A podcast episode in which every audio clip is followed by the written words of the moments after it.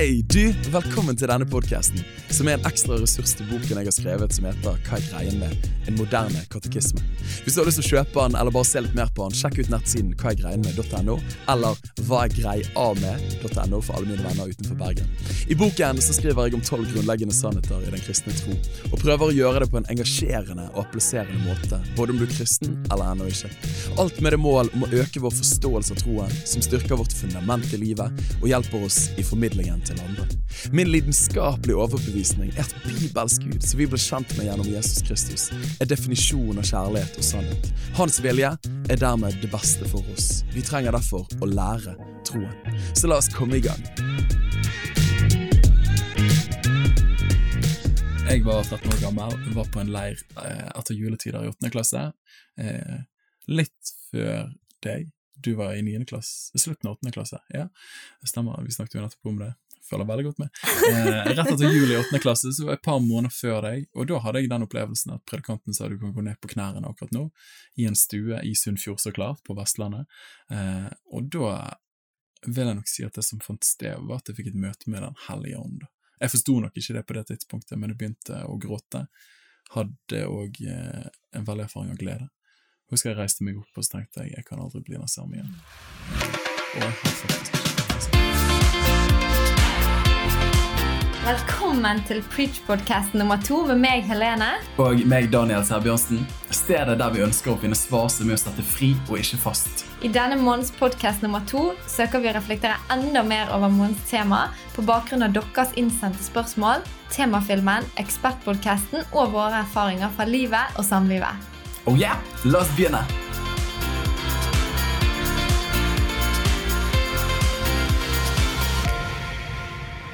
Oh yeah! Du, velkommen til podkast nummer to. Du, det var en kul intro. Du, eh, Stas å være tilbake igjen, Helene. Husker Ja. du når forrige podkast nummer to vi spilte inn? Altså, det må jo være i alle fall eh, noen uh, uker siden. Det er helt rett. Det er noen måneder siden sikkert. Det det var nok det før sommerferien. Det er helt og korrekt. Yes, Hva er greia med Bibelen? Ja, spot on! Yes, Det var rett før sommeren. Det var gøy. Ja, vet du hva, det var veldig, veldig kjekt. Jeg må si at eh, Ekspertpodkasten den gangen med Håvard Berger, der tror jeg vi begge var litt sånn blown away. Jeg kjenner den har levd litt i meg siden da, faktisk. Ja, jeg sa jo da at eh, det er ikke ofte jeg hører podkaster to ganger. Den Mm. hørte jeg to ganger, da. For utenom alle våre, de hører du to-tre ganger. Ikke svar. Det var kanskje et, et, et, et syn fra framtiden i så fall.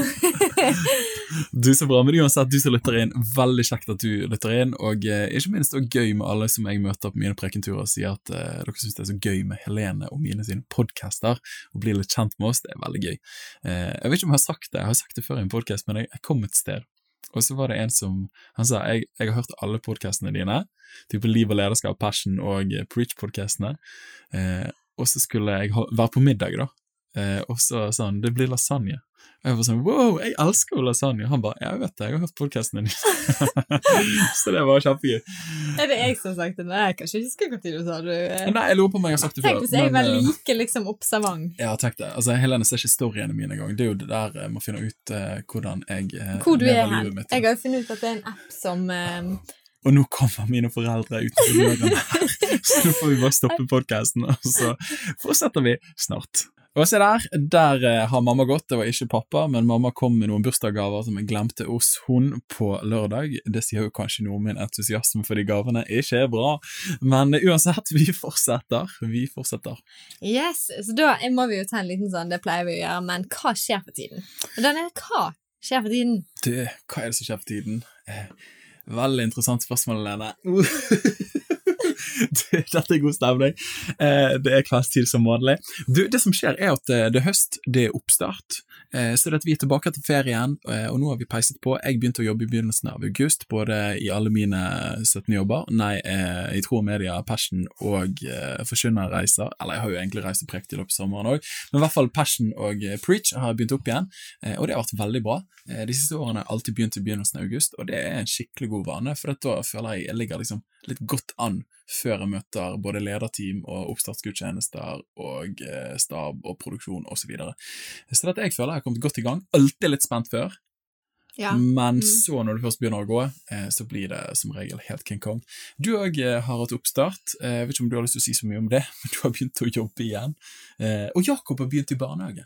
Yes, Jakob har begynt i barnehage, og det er på en måte både glede og sorg på samme tid. Man ser at han koser seg, og så er det noe Altså, det er så forferdelig Ja. i, i mamma og pappa Ja, let's talk about it, Hvis, altså. hvis når man bare ser at de liksom er bare litt sånn forsiktige, og ikke liksom De bare sitter der og bare ser litt ut og ser litt redd ut, det, da er det bare sånn jeg bare tenker sånn Nei, jeg bare tror jeg tar med meg igjen, jeg. Jakob, vil du være med meg på jobben i dag? Altså, det er det du har lyst til å gjøre, da. Men så er det noe i deg som sier sånn Ok, det er kanskje ikke helt sånn man gjør det, på en måte. Og så tenker man oh, det går sikkert fint, og så ber du en bønn idet du går ut døren, og så håper du at det går fint. Ja, Jeg skal innrømme at det er faktisk ganske mange ganger jeg har presset på for å holde igjen tårer, så jeg ikke skal gråte foran eh, barnehagelærerne. Eh, for grunn av jeg syns det er så tøft av og til. Og i hvert fall eh, sånn som nå forleden når jeg skulle levere han, og han bare forstår at pappa skal gå, og storesøster som er i rommet ved siden av den andre avdelingen. Men han bare Det er panikk, liksom. Det det er tragedie, det er traume. Why are you leaving me? Don't you love me? Ja, for de holder jo ikke noe igjen. De tenker Nei. ikke på hva du føler, liksom. Nei da. Og jeg bare, Uh. å herlighet, skulle vi bare Jeg bare slutter i jobben min, jeg er bare hjemme resten av livet. Tanken slår meg, faktisk. Ja. Og så nå høres det ut som eh, de, min, våre barn går i en eh, forferdelig barnehage.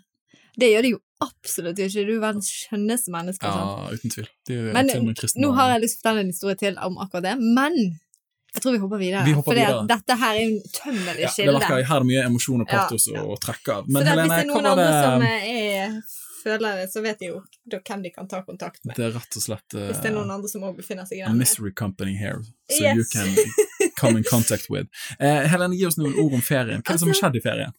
Eh, ferien har vært eh, superfin. Vi har jo et eh, Eller jeg har giftet meg til et, eh, et gårdsbruk. Og Veldig jeg, smart. Ja, veldig smart. Et lite sånn hytteparadis i, i Sunnfjord. Så vi bare flytta inn der. Og over et fjell, gjennom en tunnel, Yes. over ei bru, ja der bor du. Håper du veit hvor heldig du er du bor På på. Vestlandet. Sant? La, la, la. ja. Men sant, vi har hørt på den i sommer. Eh, Vestlandet på Spotify hvis du har lyst til å høre den. Men Jeg får sånne bare her nasjonalromantiske vibber Ja, både da du og akkurat nå. Altså, jeg er jo på en måte kanskje normalt glad vestlending, men du er jo ekstrem. Sant? Ja, men det er jeg faktisk. Så det, sommeren er jo bare ti ganger verre, på en måte. For da er det fint, sant? du kan gå i fjellene og alt det. Men uansett, vi har vært der, eh, på hytten i Sunnfjord. mm. Jakob og Anna har fått kjøre traktor og syntes det har vært helt topp. Eh, vi har fått slappet litt av, men vi ser jo òg at det er jo begrenset med på en måte å slappe av med to barn som du aktiviserer hele dagen. da. Men det har vært veldig fint. Vært en uke på Hermon Høyfjellsenter. Første gang i livet. Ja, det var en utrolig fin opplevelse. Eh, kan, gjerne, ja, kan gjerne dra tilbake dit. Vi var der på en sånn familieleir sammen med hele si Danielsens side av familien. Um, og så har vi vært en uke på Tysnes, faktisk. Ja, med din side. Da fikk vi liksom sjøen. Ja, og det er veldig fint. Du har jo Mm. vokst opp med sjø. Jeg har vokst opp med fjell. Så dette, den kombinasjonen er faktisk veldig fin. Ja. Eh, så sånn er det. Eh, Så det har vært veldig fint. vært helt konge. Og jeg må si, jeg gleder meg faktisk skikkelig til lørdag. Og det er apropos Vestlandet, men da skal jeg gå en fjelltur. Jeg har hatt lyst til å gå lenge. Jeg skal opp igjen til hytten og gå Lundeskaret, som er den bratteste DNT-turen i hele Norge, tror jeg. Ja, det er helt fantastisk. Og jeg skal gå over fjellet inn til Sunnfjord, den dal Haukedal, der vi har hytte. Det kommer til å bli transcendent for de som har lyst til å få et ord til å beskrive det. Men uansett, er det noe du ser fram til denne høsten her? Em, nå jeg Altså, nå skal jeg si det første jeg tenkte. Ja, si det første. Altså, det var bare å komme gjennom høsten. Kom. Det, var jo, Ja, det er jo trist, men noen ganger så er det bare sånn Jeg bare gleder meg litt til jeg kan stå i begynnelsen av desember og tenke sånn We, we made it. yes! Ja. For det er på en måte litt travelløst, men jeg vet egentlig ikke om man er så travel. Det er bare det at nå står du ved inngangen av et Mm. halvår, og det er sikkert mange som kjenner på det. Jeg tenker folk som begynner å studere òg. Du står ved inngangen, du har fått liksom eh, Du har vært to-tre dager på skolen, og du har fått liksom listen med bøker du skal lese, eh, oppgaver Mm. du skal skrive, pensum du skal gjennom, og du bare tenker 'Å, herlighet, jeg kommer aldri til å komme gjennom det'. Eh, og da, da, da liksom Det er noe med bare liksom, den følelsen da å stå i desember og tenke sånn OK, vi kom gjennom det, da. Helt sant. Men det var jo et litt trist å si det, da. Men, Eh, men det er en ærlig men, men det er mange ting jeg gleder meg til. Jeg, Mm. Altså turer, litt sånn forskjellige og Familiehelger. Viken, familiehelger, ja da. Viken med kirken gleder meg veldig Ja, til. det kan du på. Ja. Og så er det kanskje en liten sannsynlighet for at jeg skal få dra på en, en tur til min venninne i Nord-Norge. En helg alene. For det vet jeg ikke når skjedde sist. Nei, det kom til å bli gjort. Det var før Anna. Det var når vi var gift, tror jeg. Ja, Eh, Det tror jeg. Men vet du hva? Nå tiden løper helt fra oss. jeg vet det. Vi kunne hatt en sånn Ja, et eller annet annet navn på podkasten og bare snakket. bare litt sånn uh, DH-tid. Eh, Daniel og Helene-tid. Men jeg, jeg har faktisk tenkt at jeg, jeg liker egentlig ikke å høre podkaster der de bare fjaser, og det er liksom bladi-bladi-snakk. Jeg vil ha substansielt innhold, da. Men nå, jeg skjønner at folk syns det er gøy å lage sånne podcaster, for at du har jo evig ting å snakke om. Eh, og så er det Ja. ofte folk som lytter inn, for det er behagelig og det er liksom hjernedødt å høre på. Men ok, vi må inn til substansen. Eh, vi må det, Helene. Eh, så ja. Ja, så da må vi hoppe inn i det. ja, vi må faktisk det. Og det er faktisk eh, denne måneden, eller vi fortsetter serien vår som heter Hva er greien med? Prikk, prikk, prikk, prikk, prikk, spørsmålstegn. Og denne månedens tema, det var jo helt enkelt Hva er greien med Gud? Og eh, serien handler om å presentere de sentrale punktene i en sånn klassisk kristen forståelse og troslære, eh, både for de som tror mye, og de som tror lite, og da forhåpentligvis på en måte som er forståelig, og det gjør jo vi gjennom film, ekspertpodkast og podkast nummer to, så vi er på en måte nederst på rangstigen når det kommer til substansielt innhold. Det But passer there meg is fint. some good stuff here. Eh, vi har komprimert eh, essensen i filmen, som er liksom, hvis vi tar denne troslæren og komprimert den, så sa jeg det sånn som dette her, at vi tror at det er én sann Gud som åpenbarer seg i treenigheten som Fader, Sønn og Ånd, den allmektige, allvitende og allestedsnærværende Gud, som er skaper, opprettholder og styrer av alle ting, og den eneste rette og verdige mottaker av tilbedelse. Wow! Bra. Come on. Og i Ekspertpodcasten så hadde jeg gleden av å samtale med Halvard Lindahl, en eh, hero eh, for meg, som har ledet eh, impulsbevegelsen ut fra Imekirken i Stavanger i over 20 år, og er pastor i Imekirken Tandanger. Hvilken fin type, det må jeg si, både fra min relasjon til han tidligere, men òg i podcasten. Jeg syns han delte gull, da. Det eneste som var litt kjipt, var jo at opptaket var litt dårlig. Ja. Så beklager hvis det var litt sånn slitsomt å høre på, eller sånn Han har faktisk det melding til meg og sagt nå har jeg kjøpt bedre mikrofon til neste gang. Å, ja, Ja. det var fint, for det, det- er jo så bra, det Ja. som blir delt. Helt så det at man får heller bare skru ned hastigheten og opp volumet, Mm. og sånn at man får det med seg. Men han delte i alle fall sin historie med Gud, både hvordan han ble kjent med Gud, eh, og på en måte livet man, og, altså å leve livet sammen med Gud. Da. Så det var veldig spennende. Eh, og så snakket han litt om eh, at Gud fikk lov å bytte ut en del løgner, Mm. og satte han fri, og jeg bare tenker yes! Come og jeg må jo bare si at det at han eh, eh, har vært leder i Impuls, en av de tingene jeg tenker på når jeg tenker på Impuls, er jo frihet, men det er av den sangen eh, Frihetens konge. Frihetens konge. Ok, Så det at det, ja, Men jeg satt fri i alle fall fra Lena og Ja, frihetens konge. Og så snakket han mye om eh, Gud som pappa. ja, det var nydelig. Ja, Og det trenger vi vel. Eller av og til så har jeg en sånn tendens til at jeg nesten glemmer det litt. Eller ordet pappa Mm. er et sånt fint ord. Ja. Ja. Og jeg, har studert Fader vår i sommer, Mhm. og vi sier jo ofte Fader vår, det er jo et litt liturgisk språk på det. Mm. Vi er vant til å si Fader vår, og da blir ikke noe nært for oss, da er det bare en religiøs formulering som vi ofte framsier. Men det er jo egentlig pappaen min. Pappaen min. Eh, Med mindre du er fra sånn Sunnfjord, sier ikke de far. eh, far, far, fader. Eh, faderen, ok. Men for noen er det sikkert nært, men for oss bergensere så er det pappa. Eh, det er det som klinger. Jeg syns òg det var veldig bra det han snakket om Den hellige ånd, og hvordan han er virkelig, og hvordan han kan berøre oss i dag. Ok, eh, både på bakgrunn av film og podkast, Helene, hva syns du var noe av det som talte mest til deg eh, av disse tingene? Altså, jeg må si på um, I filmen så syns jeg det var em, Altså, jeg ble oppmuntret av når, eh, når du snakket, Daniel, om de tre allegenskapene. Allmektig, allvitende, allestedsnærværende. Er ikke det heftig? Ja, jeg på en måte bare sånn Jeg tror òg i liksom begynnelsen av en høst, liksom, så kjennes den voldsom ut. Mm. På mange vis. Men så er det bare liksom sånn For å puste ut, det er faktisk en som er allmektig. Det er faktisk en som vet alt, Mm. og som kjenner hvordan alt er skrudd sammen, og som vet alle de beste løsningene. Altså, det, det er liksom Og det er en som er allestedsnærværende. Det er ikke Mm. et sted på denne kloden jeg kan være uten at han er der. Det var deilig. Ja, fantastisk. Du, da? Du, jeg må si Personlig så har det vært en, eh, en glede for meg å kunne få lov til å sitte meg ned og, og komprimere sannheter om Gud, både hans, eh, hans vesen og egenskaper. Eh, så dette, jeg må si, det å jobbe systematisk med det, å kunne få lov til å gi en oversikt over hvem Gud er, eh, var veldig, veldig givende. Eh, og det er jo ikke sikkert alle får sånn overtenning som meg, men når jeg kan komprimere denne dogmen om Gud i noen setninger, sånn som gjorde nettopp, eh, så for meg blir det en ressurs jeg tar med meg for resten av livet. da. Ja. Eh, så dette er jo et livsverk, disse filmene. Eh, så dette er veldig gøy å kunne dele det, men for meg er det òg veldig trosstyrkende å kunne si at dette er den Gud jeg tror på, og som Bibelen åpenbarer gjennom Jesus Kristus. Det er jo kjekt. Tenk at du får jobbe med på en måte bare jobbe fram sånne filmer som dette Ja. her, da. Og bare styrke deg sjøl med innholdet av Ja, virkelig. Det var noen som sa at eh, begynn å jobbe med noe du elsker, så slipper du å jobbe en eneste dag til resten av ditt liv. Eh, og litt sånn oppleves det av og til for meg. Jeg får lov til å holde på med det jeg elsker. mm. Du, så bra. Da hopper vi inn i spørsmålet, og eh, vi bare skyter av gårde med en gang. Dere snakker mye om Gud, Jesus og kristne ting, men hva gjorde at dere ble så opptatt av Gud? Du, veldig, veldig godt spørsmål. Eh, kanskje du har lyst til å sparke av gårde, Helene? Ja, altså det blir jo på en måte litt nesten sånn eh, frelsesreisen, Eh, på en Ja. måte, eller eh, Hvordan ble Gud Eller virkelig for oss? trosreisen. Ja, altså for min del, jeg vokste opp i en kristen familie. Eh, og gått, altså vokste opp i samme kirke som Daniel, som Mm. deg. Og det Eh, fikk deg på den smale veien? Ja, det kan, fikk meg iallfall på en eller annen vei.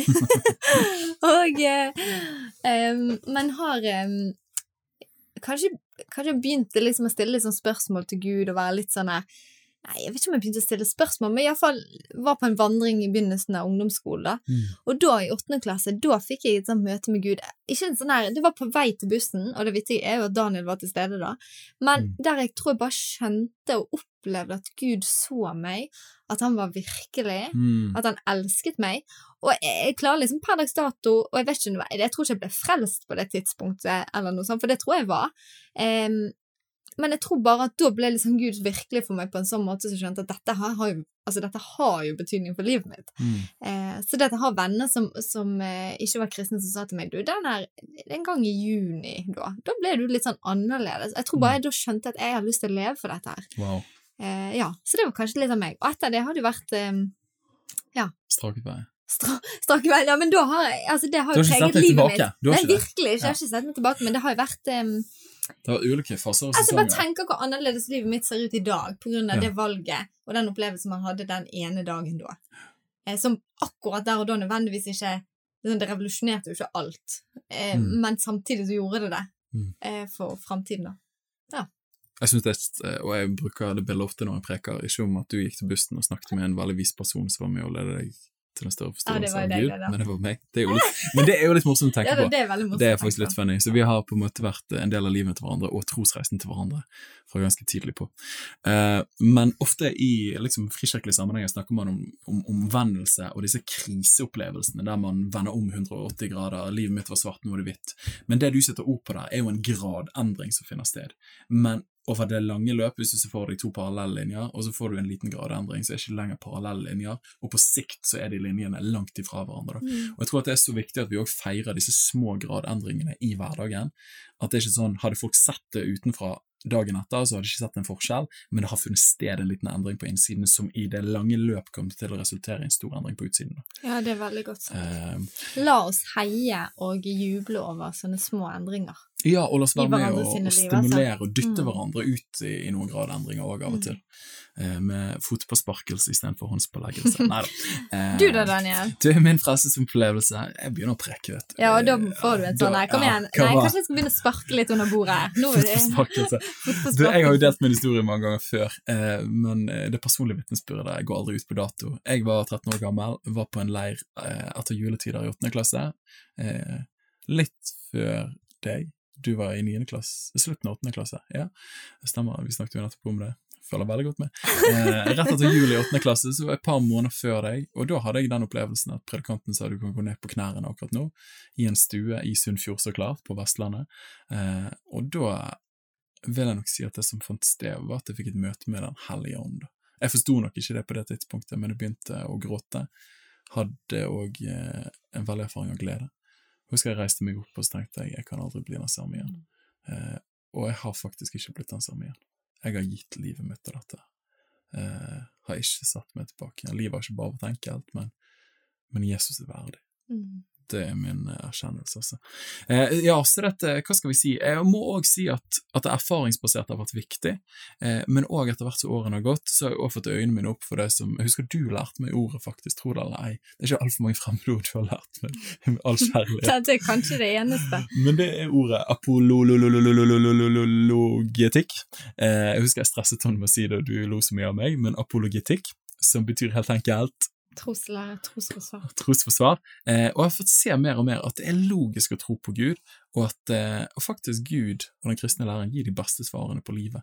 Så det, jeg tror ikke bare på av jeg har erfart det, selv om det er viktig, men jeg tror òg fordi at eh, de kristne påstandene er sanne, og virker mer troverdig enn alle andre filosofier og ideologier sine standpunkter om virkeligheten og verden og menneskelivet og evigheten. Ja. Ok, spørsmål nummer to. Ulike religioner snakker om sin gud, men hvem er den kristne guden, og hvorfor er han annerledes? Hey, godt spørsmål. Vil Ja. du takle det? Altså, noen har jo sagt eh, mennesket er uhelbredelig religiøst. Med andre ord så ligger det i oss eh, at vi har lyst til å tro på noe eh, større enn oss sjøl. Jeg tror dette stemmer. Eh, Forkynnerne i 3.11 sier det at Gud har lagt evigheten ned i våre hjerter. Eh, samt så sier Bibelen at eh, Gud er skaperen vår, men av synd så ble det relasjon brutt, og vi lengter tilbake etter noe vi ikke vet. Mm. Eh, Den kjente filosofen og apologeten William Lane Craig eh, har sagt, eh, kalt mennesket for the cosmic orphan. Jeg syns det er en bra formulering. Ja. Eh, vi er de eneste skapningene som stiller spørsmål hvor kommer vi fra? Det er Mm. liksom, du går ikke med til, ja. Eh, Det ser ikke ut som kattene går rundt og lurer på hvor de kommer fra. Det er i så fall hvis de har gått seg vei vill.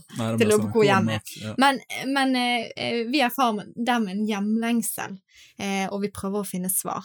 Jeg syns det er litt sånn her fascinerende hvis du har reist liksom til et eller annet sted, en øde øy, liksom, Mm. et, sant? så du, kan du være sikker på at de har liksom noe de tilber. At de Mm. vet på en måte at de er en del av noe større enn seg Mm. sjøl, og de prøver å finne ut hva er det, og hvordan kan vi på en måte Komme i kontakt med Hva- det. Ja, sant? Så det at om så det er Ja, altså om så det er en tre eller et eller annet de Ja. har funnet ut at liksom, dette må være liksom meningen, så har de liksom klart det, og de lengter liksom etter noe. Mm. Sånn tror jeg det er med oss mennesker.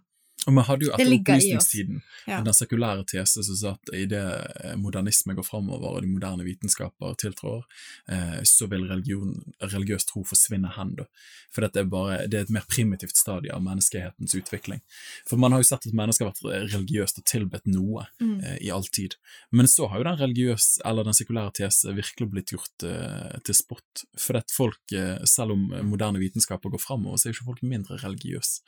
De er kanskje mindre eh, religiøs i form av eh, liksom, bekjennelser og troslærer, men folk er nå vel så mye åndelig som de har vært noen ganger. Mm. Så det er ganske interessant, og det underbygger egentlig poenget du sier, da, at jeg tror mennesker er uhelbredelig religiøst.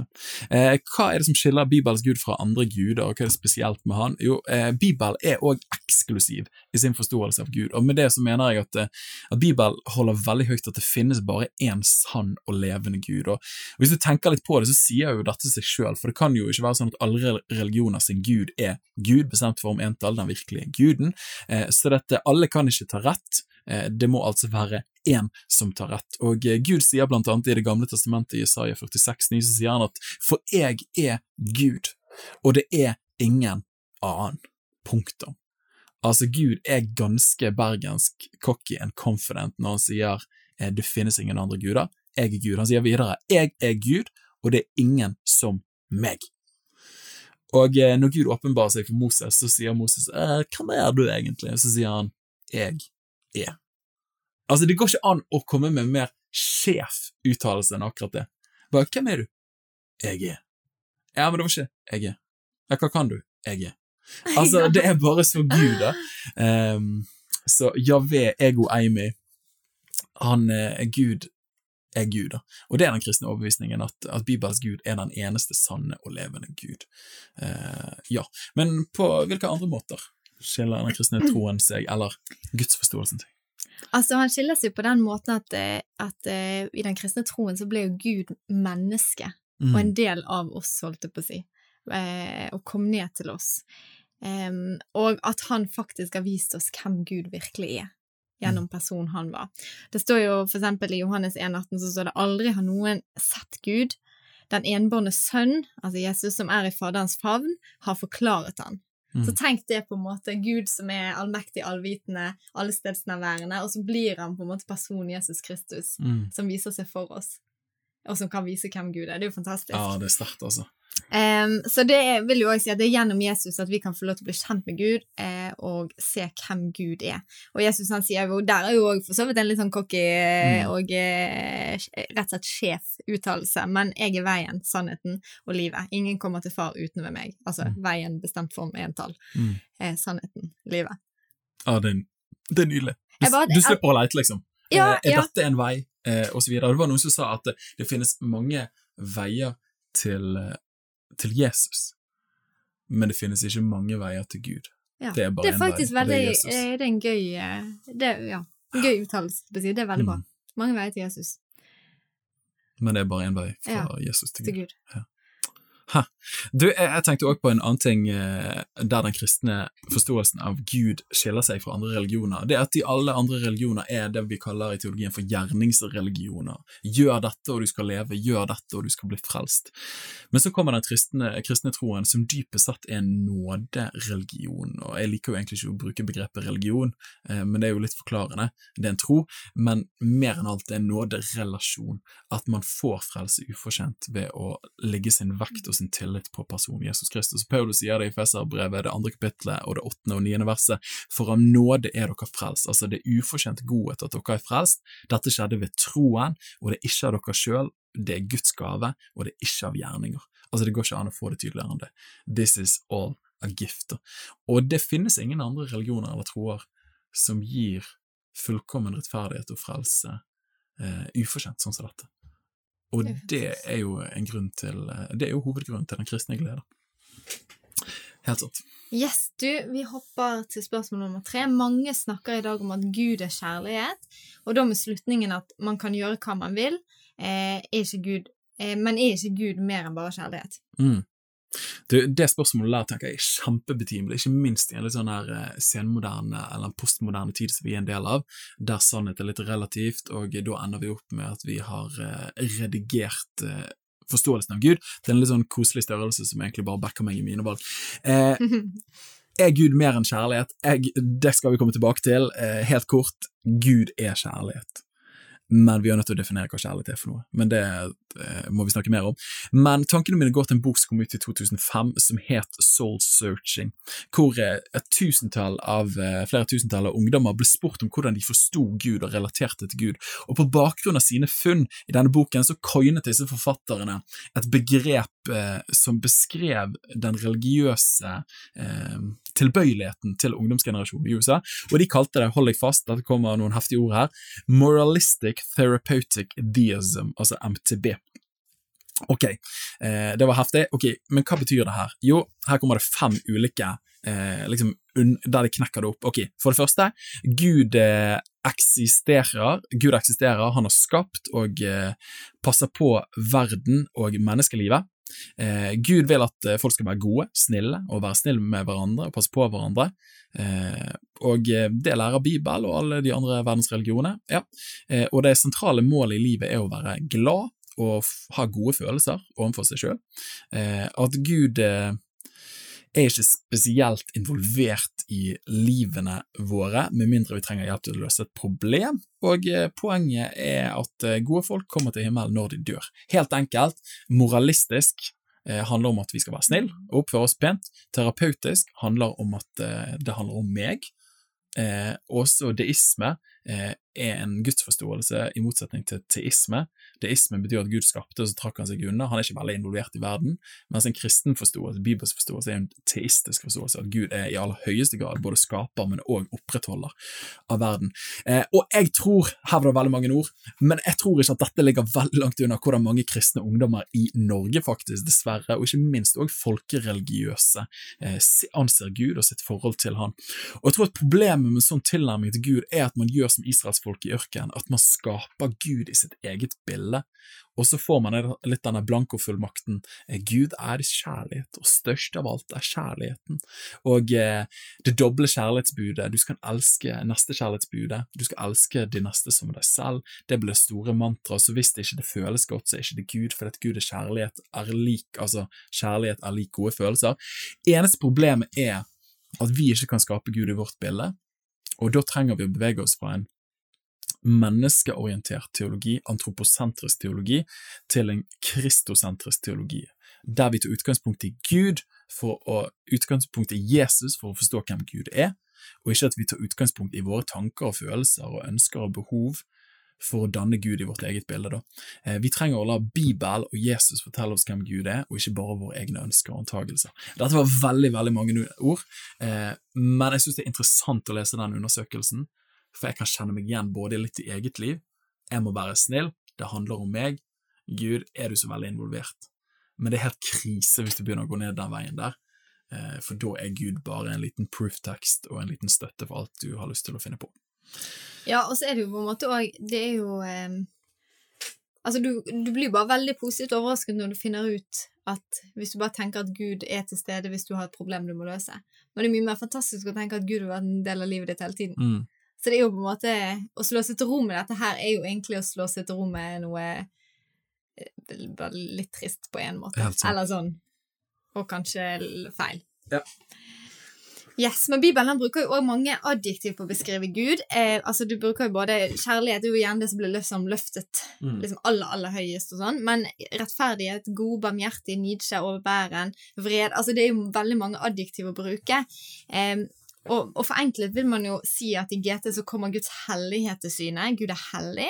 Mens i Nytestamentet kommer Guds kjærlighet til syne. Og de er ingen motsetning, men de hører sammen i en, eh, kan vi si, en hellig kjærlighet. Mm. Og det er jo sånn som Daniel sier, vi har jo gjerne den nå i dag at det er sånn Gud og kjærlighet, og da er nesten alt lov. Mm. Eh, og det kunne på en måte kanskje ikke blitt mer feil. Men for eksempel da, så er det jo sånn, hvis vi tar våre barn som et eksempel, og vi elsker jo våre barn. Altså, det er jo ingen som elsker dem så mye som vi gjør. Ja, Foruten med Gud i himmelen. Mm. Men vi lar jo ikke de få alt de vil likevel. Og vi må jo si at noe er rett og noe er galt. Helt sant. Hvis ikke så eh, kommer vi til å oppdra noen mennesker som kanskje ikke er så veldig kjekke å være med. Åh, det er sant. Eh, så, så, det er jo noe med at, at um, å si at Gud er kjærlighet, det er helt sant, men det er jo mer til bildet enn det òg. Mm. Og det må vi være glad for. Altså, ja, og tenker òg at kjærlighet er Det er Gud som definerer kjærlighet. Ja, ja. Og det er ikke mine ønsker og følelser akkurat nå som definerer kjærlighet. Ja, og det er jo et godt poeng, for det at, ja, absolutt. Gud har jo en fullkommen definisjon på kjærlighet, men det er ikke sikkert at den stemmer helt overens med vår definisjon av kjærlighet. Eller det gjør han jo ikke. Og takk og pris for det. ja, det Virkelig. kan vi jo si. Uh, oh. nå går tankene tilbake til uh, den serien vi gjorde for en del måneder siden, Preach, som heter Moderne myter, og der jeg snakket om identitet. At vi lever med litt sånn vestlig forståelse at alle mine følelser på innsiden er gode, og jeg må bare leve de ut. Eneste problem er at hvis min definisjon av kjærlighet Min definisjon av kjærlighet kommer til å krasje med din definisjon av kjærlighet. For jeg mener for eksempel at når jeg gjør uh, dette og dette mot deg, så uh, er det kjærlighet, men for deg er det ikke opplevd kjærlighet. Mm. Også din definisjon av kjærlighet vil igjen krasje med min definisjon. Så derfor er jeg utrolig glad at det finnes en objektiv forståelse av hva kjærlighet er for noe, og det er Gud. Eh, det var veldig filosofisk. Jeg snakket meg nesten i en salto sjøl. Har du gjort det før? Er du bare sånn Hva sa jeg egentlig der? Hva er det mening? Du vet ikke helt hvor du kom ut av den. Ja, det var sånn. ok, vi hopper videre til neste spørsmål. Det er kanskje grunn til å høre podkasten på nytt. Daniel. ja, det er det. Så kan du høre og se om du kommer ut. Hva sa jeg egentlig? Ja. Du, hvorfor svarer ikke Gud alltid på våre bønner? Og dette er et stort spørsmål. Takk for det spørsmålet. Ja, virkelig. Og dette er jo et uh, Det er et stort spørsmål, og på en måte er det jo kanskje ja. Jeg, jeg, tipper jo du kommer nok ikke gjennom livet kanskje uten å ha tenkt på dette spørsmålet, mm. vil jeg tro. Mm. Eh, og kanskje våre første tanker når det kommer til dette, er um, hvorfor Gud ikke alltid svarer på bønnene våre. Det er jo gjerne at Gud svarer på en annen måte enn det vi eh, tenker at han kommer til å svare mm. på. Og vi har jo en evne til å Jeg bare husker når jeg skulle få baby, så følte jeg bare så gravide. Mm. Og så når eh, Anna var født, så følte jeg altså, Uansett hvor jeg var, så så jeg barnevogna. på en måte. Mm. Så det er jo noe med at du, du ser jo gjerne etter det du håper på eller forventer å se, Mm. da. Men Gud svarer kanskje på en annen måte. Han kan kanskje svare i en annen tid. Mm. Vi vil jo gjerne ha det her og nå, men det er ikke alltid at det er sånn det kommer. Eh, vi ber om feil ting. Det òg er jo en sånn eh, Jeg tenker bare, Hadde jeg fått alt jeg har bedt om, så hadde det blitt krise. altså. Ja, ja, men når du er liten, du ber jo om eh, Jeg Kan du bare spise snop hver eneste dag resten Ja. av livet? Altså mm, Nei, jeg tror ikke det er bra for deg, min lille, Ja, lille Så bare se for deg liksom Gud bare eh, Altså, ja. Candy bare king from heaven. Ja, sant? Det datt en pose ned i sengen hver morgen. Altså, ja. Det hadde vært kult, det må jeg si. For en begrenset tid. For en begrenset, ja. Ja. Det er ikke sikkert det hadde vært så kult etterpå det. Mm. Men ja. Eller, og vi må be mer. Altså, Mm. det står jo en historie i Daniel Mm. Om at det sto kamp om, eh, om bønnen. Altså liksom, jeg kunne ikke komme tilbake før. Eller var en engel som kom jeg, Ja, engel Gabriel. ja. jeg slåss fordi at Mot eh, fyrsten av Persia i 21 dager. Ja, og det, altså, det høres på en måte veldig vilt ut. Men ja, det, altså, det, da må vi på en måte bare omfavne at ok, det er en realitet her som gjør at um, altså det står kamp om bønner, og det vil jo kanskje dermed si at uh, våre bønner er veldig viktige. Amen, det er så bra. Eh, Og bare av at du ber og du ikke får svar med en gang, så betyr ikke det at du har bedt feil, eller at Gud ikke ønsker å gi det. Men noen bønner, det er noe som heter utholdende bønn, mm, som denne generasjonen gjerne ikke er best på, men som tidligere generasjoner visste hva det ville si å vente på Gud og begjære av Gud og gråte og faste. Altså, Mm. Vi burde snakket om faste. Eh, de første kristne fastet to dager i uken, mange. mm, Altså, I dag spør du eh, pastorer, faster du bare sånn her, jeg fastet en gang da jeg studerte teologi for 40 år siden. Så det eh, eh, Poenget er at det er mye mer til bønnens verden. Ja. ja, virkelig. Um, og så òg lever vi Dette er jo et begrep som jeg og deg, Daniel, blir glad i, men vi lever mellom tidene. Det vil Mm. si at Jesus har sagt at Guds rike er kommet nær. Mm. Samtidig så vet vi òg at Guds rike holder på å bryte gjennom mer og mer. Ja. For vi ber jo om at Guds rike skal komme mer. Um, og, og det vil kanskje si at uh, selv om vi vet hva Guds vilje er, så er det likevel på en måte nesten stikke fingeren litt i jorden og si at vi har jo alle opplevd at selv om vi vet hva Guds vilje er, så har ikke det slått gjennom her og nå. Mm. Og det er jo forferdelig vondt. Jeg tenker på min pappa, for eksempel, som døde for det er faktisk ti år siden nå. Ja. Jeg tror Guds vilje for ham var at han skulle få leve, og at han skulle leve lenger enn 44 år.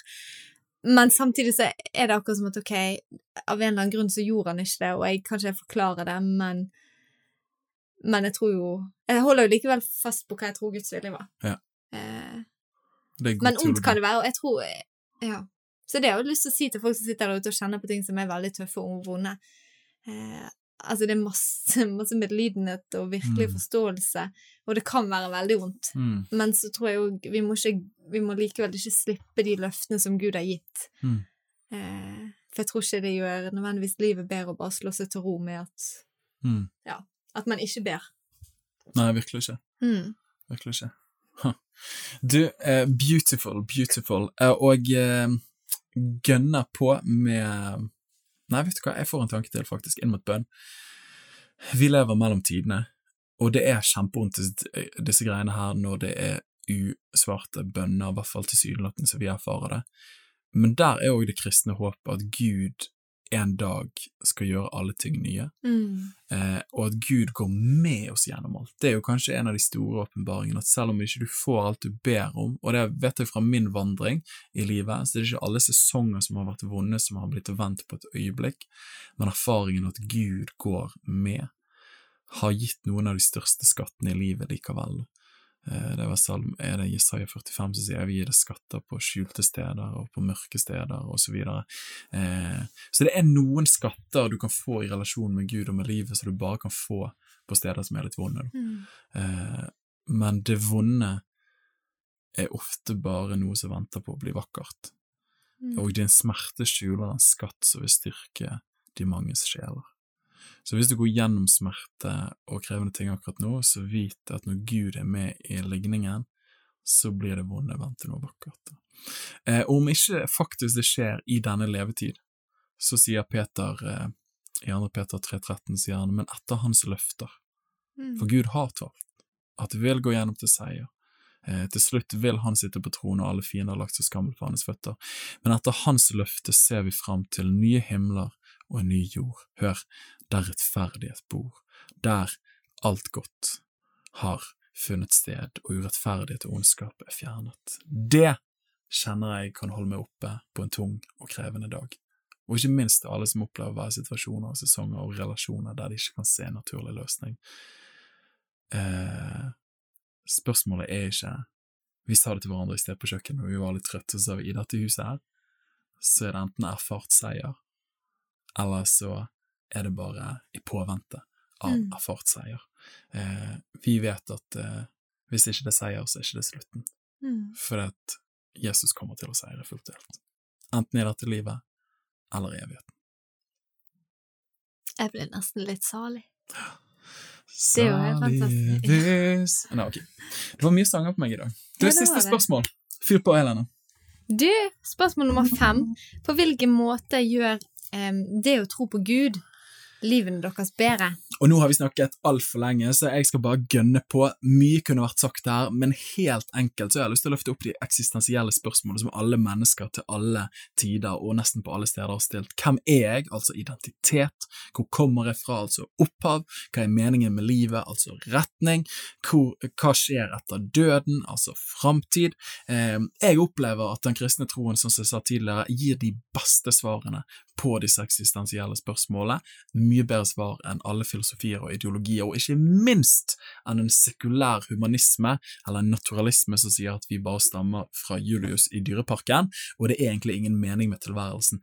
Tenk å leve med en sånn metanarrativ og stor fortelling over livet sitt. Da tror jeg man erfarer det som Fredrik Nietzsche snakket om, nihilisme, meningsløshet, og det kan lede inn i en dyp depresjon og fortvilelse, for hvorfor i alle dager er jeg er, Er det bare mine egne følelser jeg lever for å tilfredsstille, så er livet grådig tomt. Og da står det heller ingenting i veien for at jeg kan misbruke og utnytte andre, for det er jo ikke noe som heter moral, det er jo bare den sterkestes rett.